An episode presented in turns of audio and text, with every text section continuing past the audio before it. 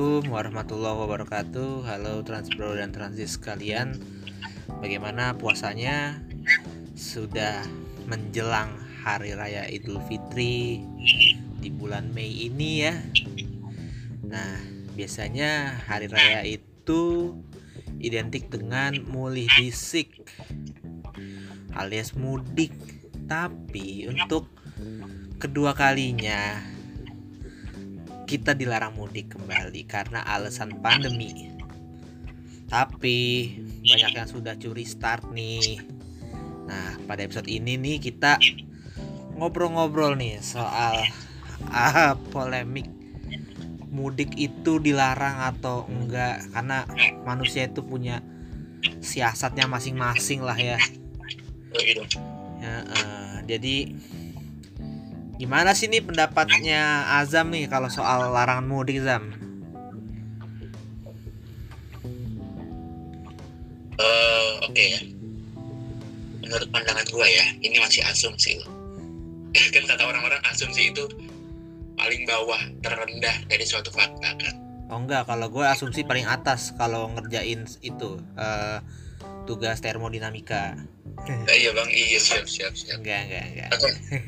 Kalau kata gue ya untuk larangan ini jika emang pure untuk keselamatan orang di kampung, iya. Yeah. Ya sah-sah aja sih. Mungkin mungkin ada suatu keringanan, misal kayak tes antigen atau swab test minimal genos test itu sih.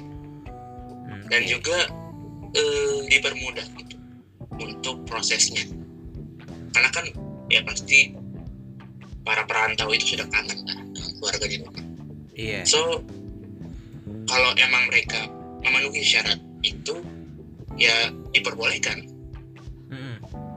nah itu itu aja sih dari gua kalau dari Raffi bagaimana Raffi kalau dari gua sendiri ya terkait masalah larangan mudik ini kan untuk kedua kalinya ya larang iya. kita dilarang mudik karena kondisi pandemi dan angka pertambahannya masih lumayan dan ya walaupun kesembuhannya juga angka kesembuhannya tinggi tapi juga pertambahannya menyusul juga mungkin karena kegiatan-kegiatan atau uh, mungkin ada yang nggak saling jaga jarak mungkin penyebarannya cukup cepat. Untuk masalah mudik sendiri sih ada dilema ya. Setuju nggak setuju larangan mudik? Setujunya ya kita mengikuti arahan pemerintah agar mengurangi paparan, terutama kita kan mudik itu kan perjalanan, apalagi menggunakan transportasi umum. Mm-hmm. Kita nggak tahu di jalan tuh kita selama perjalanan tuh terpapar apa enggak Hmm. dan kondisi badan kita sedang fit apa enggak dan kita termasuk uh, ciri apa kriteria komorbid OTG apa enggak kan kita kan nggak tahu kan. Yeah. itu yang paling bahaya itu yang tanpa gejala itu. Misal kita sampai di tujuan dan ternyata di rumah yang kita datangi itu hmm. kebanyakan orang-orang yang usia lanjut itu sangat berbahaya itu bagi keselamatan dan kesehatan juga. Ya nggak setujunya ya mungkin di luar sana banyak orang-orang keluarga yang udah rindu udah lama nggak ketemu. Tapi ternyata untuk pekan Idul Fitri yang kedua ini masih dilarang oleh pemerintah. Jadi ya ya dilema sih ada dua pendapat setuju dan nggak setuju. Dan tiap orang punya pandangan berbeda. Tapi ya demi kebaikan bersama dan uh, semua dan dengan harapan penuh agar pandemi ini segera berakhir ya. Kita jalani sambil melihat waktu ke depannya agar berjalan semestinya. Mungkin dari aku seperti itu. Oke sih ya. Uh, kalau gue pribadi sih ini jatuhnya nih kayak lagunya Raisa ya yang kali kedua kali kedua gitu. Yang nggak bisa mudik. Ya, apa ya ini kan momentum ya karena orang-orang Indonesia tuh meskipun mayoritasnya Islam gitu tapi seluruh masyarakat Indonesia tuh menyambut Idul Fitri ya dengan mudik gitu mau apa pun kalangannya. Dan kalau menurut pandangan gue sih Indonesia ini juga kan kalau seperti di internet bilang di sosmed bilang Indonesia ini barbar gitu. Ya iya bisa bilang iya gitu. Karena licik-liciknya atau semacam siasat-siasatnya untuk start curi curi start untuk mudik tuh ada ya. BTW ini kan sekarang larangan itu udah diperpanjang dari 22 April lalu sampai tanggal 24 Maret eh 24 Maret lagi 24 Mei. Nah itu tuh sebulan tuh ya tadinya kan 6 sampai 17 cuman sekitar dua minggu. Nah sekarang sih ngeliat sih ya gimana ya ada yang udah pulang duluan curi start ada yang lebarannya di sini. Ada juga yang lebarannya sebulan di sono gitu. Macem-macem sih. Kalau kita ngomongin Pulau Jawa mah gitu. Nah, terus ya habis itu ya e, kalau kita ke Pulau Sumatera gitu. Itu penyeberangan sih ya. E, sama juga banyak yang curi start dari sebelum puasa malah. Cuman sih kalau yang kita fokusnya di Pulau Jawa aja ya e, kata-katanya nih mudiknya diperbolehkan asal di e, apa namanya wilayah aglomerasi gitu. Misalnya Jabodetabek terus misalnya Bandung Raya kayak misalnya Bandung Sumedang e, Cimahi Bandung Barat sama Kabupaten Bandung gitu. Lalu ada juga kayak misalnya di Jawa Tengah nih di wilayah aglomerasi Subo Suko Wonosraten alias Solo Raya. Lalu di wilayah aglomerasi Gerbang Kertosusila yaitu Surabaya Raya. Nah terus ada juga di uh, wilayah aglomerasi Gedung Sepur alias Semarang Raya. Nah ini kalau mau disebutin singkatannya dipanjangin boleh nggak nih Zam? oh boleh kok boleh. Wah kalau gua apal ya gitu. Tadi ah gua ngomong apa ya? Subo Suko Wono Sraten alias Solo Raya. Su Sunya Surakarta Bonya Boyolali. Wono Wonogiri Subo Suko Wono Seraknya Seragen Tennya Klaten. Mungkin ada Karanganyarnya kali di kaknya itu Subo Suko. Ya itulah. Eh ya pokoknya Sukonya itu Sukoharjo. Ya itulah pokoknya. Terus kalau kedung sepur tuh kendal. Dungnya d-nya demak ungnya ungaran se-nya semarang purnya purwodadi. Nah kalau gerbang kertosusila gerbang kertosusila tuh gernya gresik bangnya bangkalan madura gerbang kernya tuh ker kernya itu mojokerto kerto Sunya Surabaya, Si-nya Sidoarjo, La-nya Lamongan. Jadi tuh. Ada juga wilayah aglomerasi kayak Purwasuka, Purwakarta, Subang, Karawang. Ya kalau Jabodetabek udah pada tahu lah ya. Ya itu sih. Terus juga sekarang udah ketat banget nih sama pos-pos penjagaan gitu. Ya, tapi kalau gue lihat ya orang uh, mudik uh, namanya orang Indonesia nih rasa kangen ras rasa ya batinnya udah bergejolak lah bisa dibilang gitu. Kita kan juga pengen ketemu sanak saudara. Kayak ya apalagi nih udah tahun ke tahun kedua ya covid ya kayak ya semakin ke sini sih meskipun penambahannya terus naik tapi orang Indonesia kayak cuek aja ya udah gitu. Ya covid aja udah. Terus yang penting gue kangen ketemu ya udah gue pakai masker. Ya udah paling gue jaga jarak semaksimal mungkin. Ya udah gue pakai hand sanitizer. Gitu aja nih mewakili hati masyarakat mah begitu. Bukannya uh, kita nih nggak setuju atau gimana cuman ya relate aja gitulah ya paling kayak gitu tuh. Nah akhirnya uh, kayak misalnya naik kereta. Ya pakai antigen. Ya udah gue bayar 250 ribu untuk antigen. Gitu. Ya mungkin kalau misalnya dari pemerintahnya juga ingin mengetatkan ya agak dipersulit di, di satu sisi. Tapi masyarakat juga akhirnya rela menggelontorkan duit lebih gitu loh. Karena namanya udah kangen gitu loh. Batin udah kangen ya mau gimana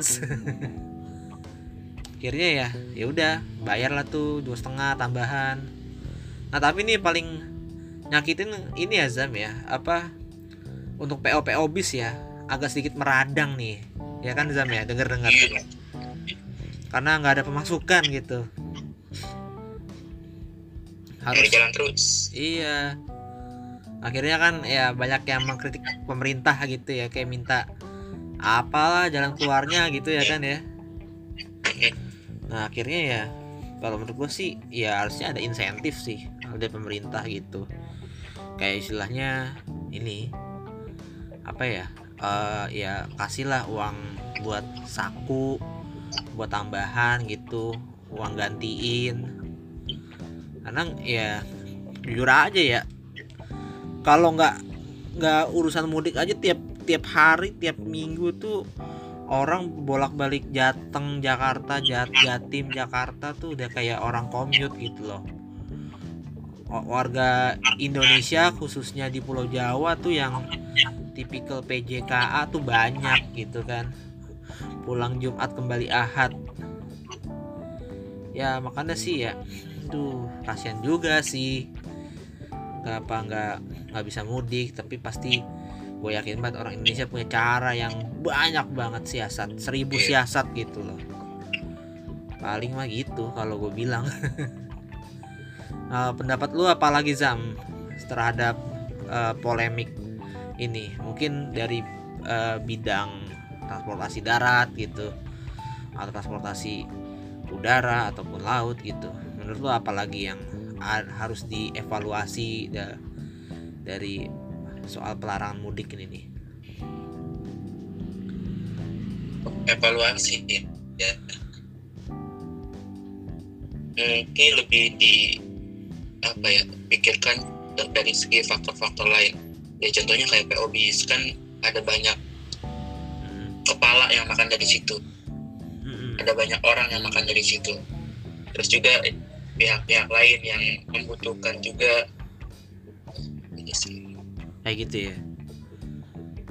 Kalau di bidang perkereta apian nih Vi eh, apa yang harus dievaluasi gitu terhadap KAJJ ini kan kalau PO bis kan lebih ke swasta ya. Ini kalau perusahaan negara gimana nih Vi? Monggo Vi.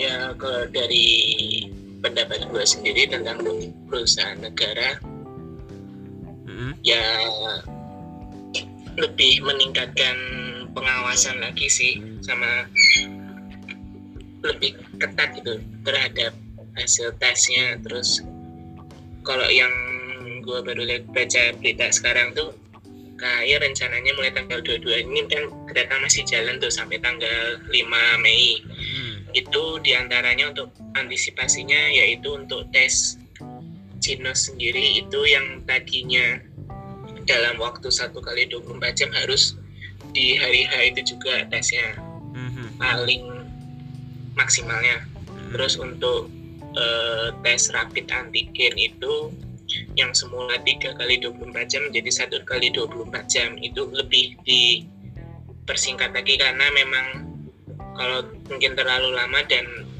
pemudiknya juga banyak itu riskan banget untuk kita nggak tahu terpa- seberapa terpaparnya penumpang-penumpang entah pas di perjalanan, entah Hmm. pas lagi menunggu antrian tes atau mungkin di perjalanan dari rumah ke stasiunnya kan kita nggak tahu kan Iya. Pem- penyelenggara juga nggak tahu makanya untuk mengantisipasi penyebaran lebih intensif lagi di persingkatlah dan di eh, jarak pendekkan apa apa istilahnya tuh? Dimepet-mepetin lah ya. Diingatin lah sama waktu keberangkatan. Heeh. Jadi kalau kita mau mudik tuh bener-bener udah siap gitu loh. Dari siap duit sama siap waktu gitu loh ya kan? Dua Itu ya. Makanya pasti jawaban akhirnya ya ada itu seperti meluangkan mudik. Ya dari dari pas bulan lalu awal sebelum puasa udah banyak curi start gitu. Untuk mengobati rasa kangen tuh banyak siasatnya intinya. Uh, sebagai kesimpulan ya untuk akhirin ini episode. Dan juga yang nggak kebagian atau mau mepet-mepet hari H mau lebaran di kampung beneran tuh mau takbiran di kampung ya ada juga. Ya tapi dengan syarat ya menambahkan budget lebih ataupun ya ya waktu juga harus dimaksimalin gitu loh. Udah maksimal dalam arti apa ya? Kayak tadi uh, harus tes ginosnya pas hari H juga gitu biar ketahuan. Terus juga kalau misalnya naik ban ke naik pesawat ke bandara juga begitu makin banyak lagi waktu yang dihabiskan di bus di bandara untuk pulang doang bangsa sejam perjalanan di pesawat gitu ya. Ya paling sih gitu sih. So apa pun itu uh, tetap jaga protokol kesehatan ya transport dan transit sekalian. Dan juga ini sebagai uh, mau Idul Fitri ya kita mohon maaf lahir batin.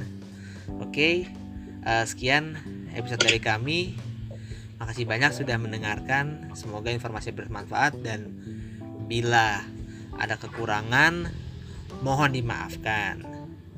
Baik kita akhiri. Wassalamualaikum warahmatullahi wabarakatuh.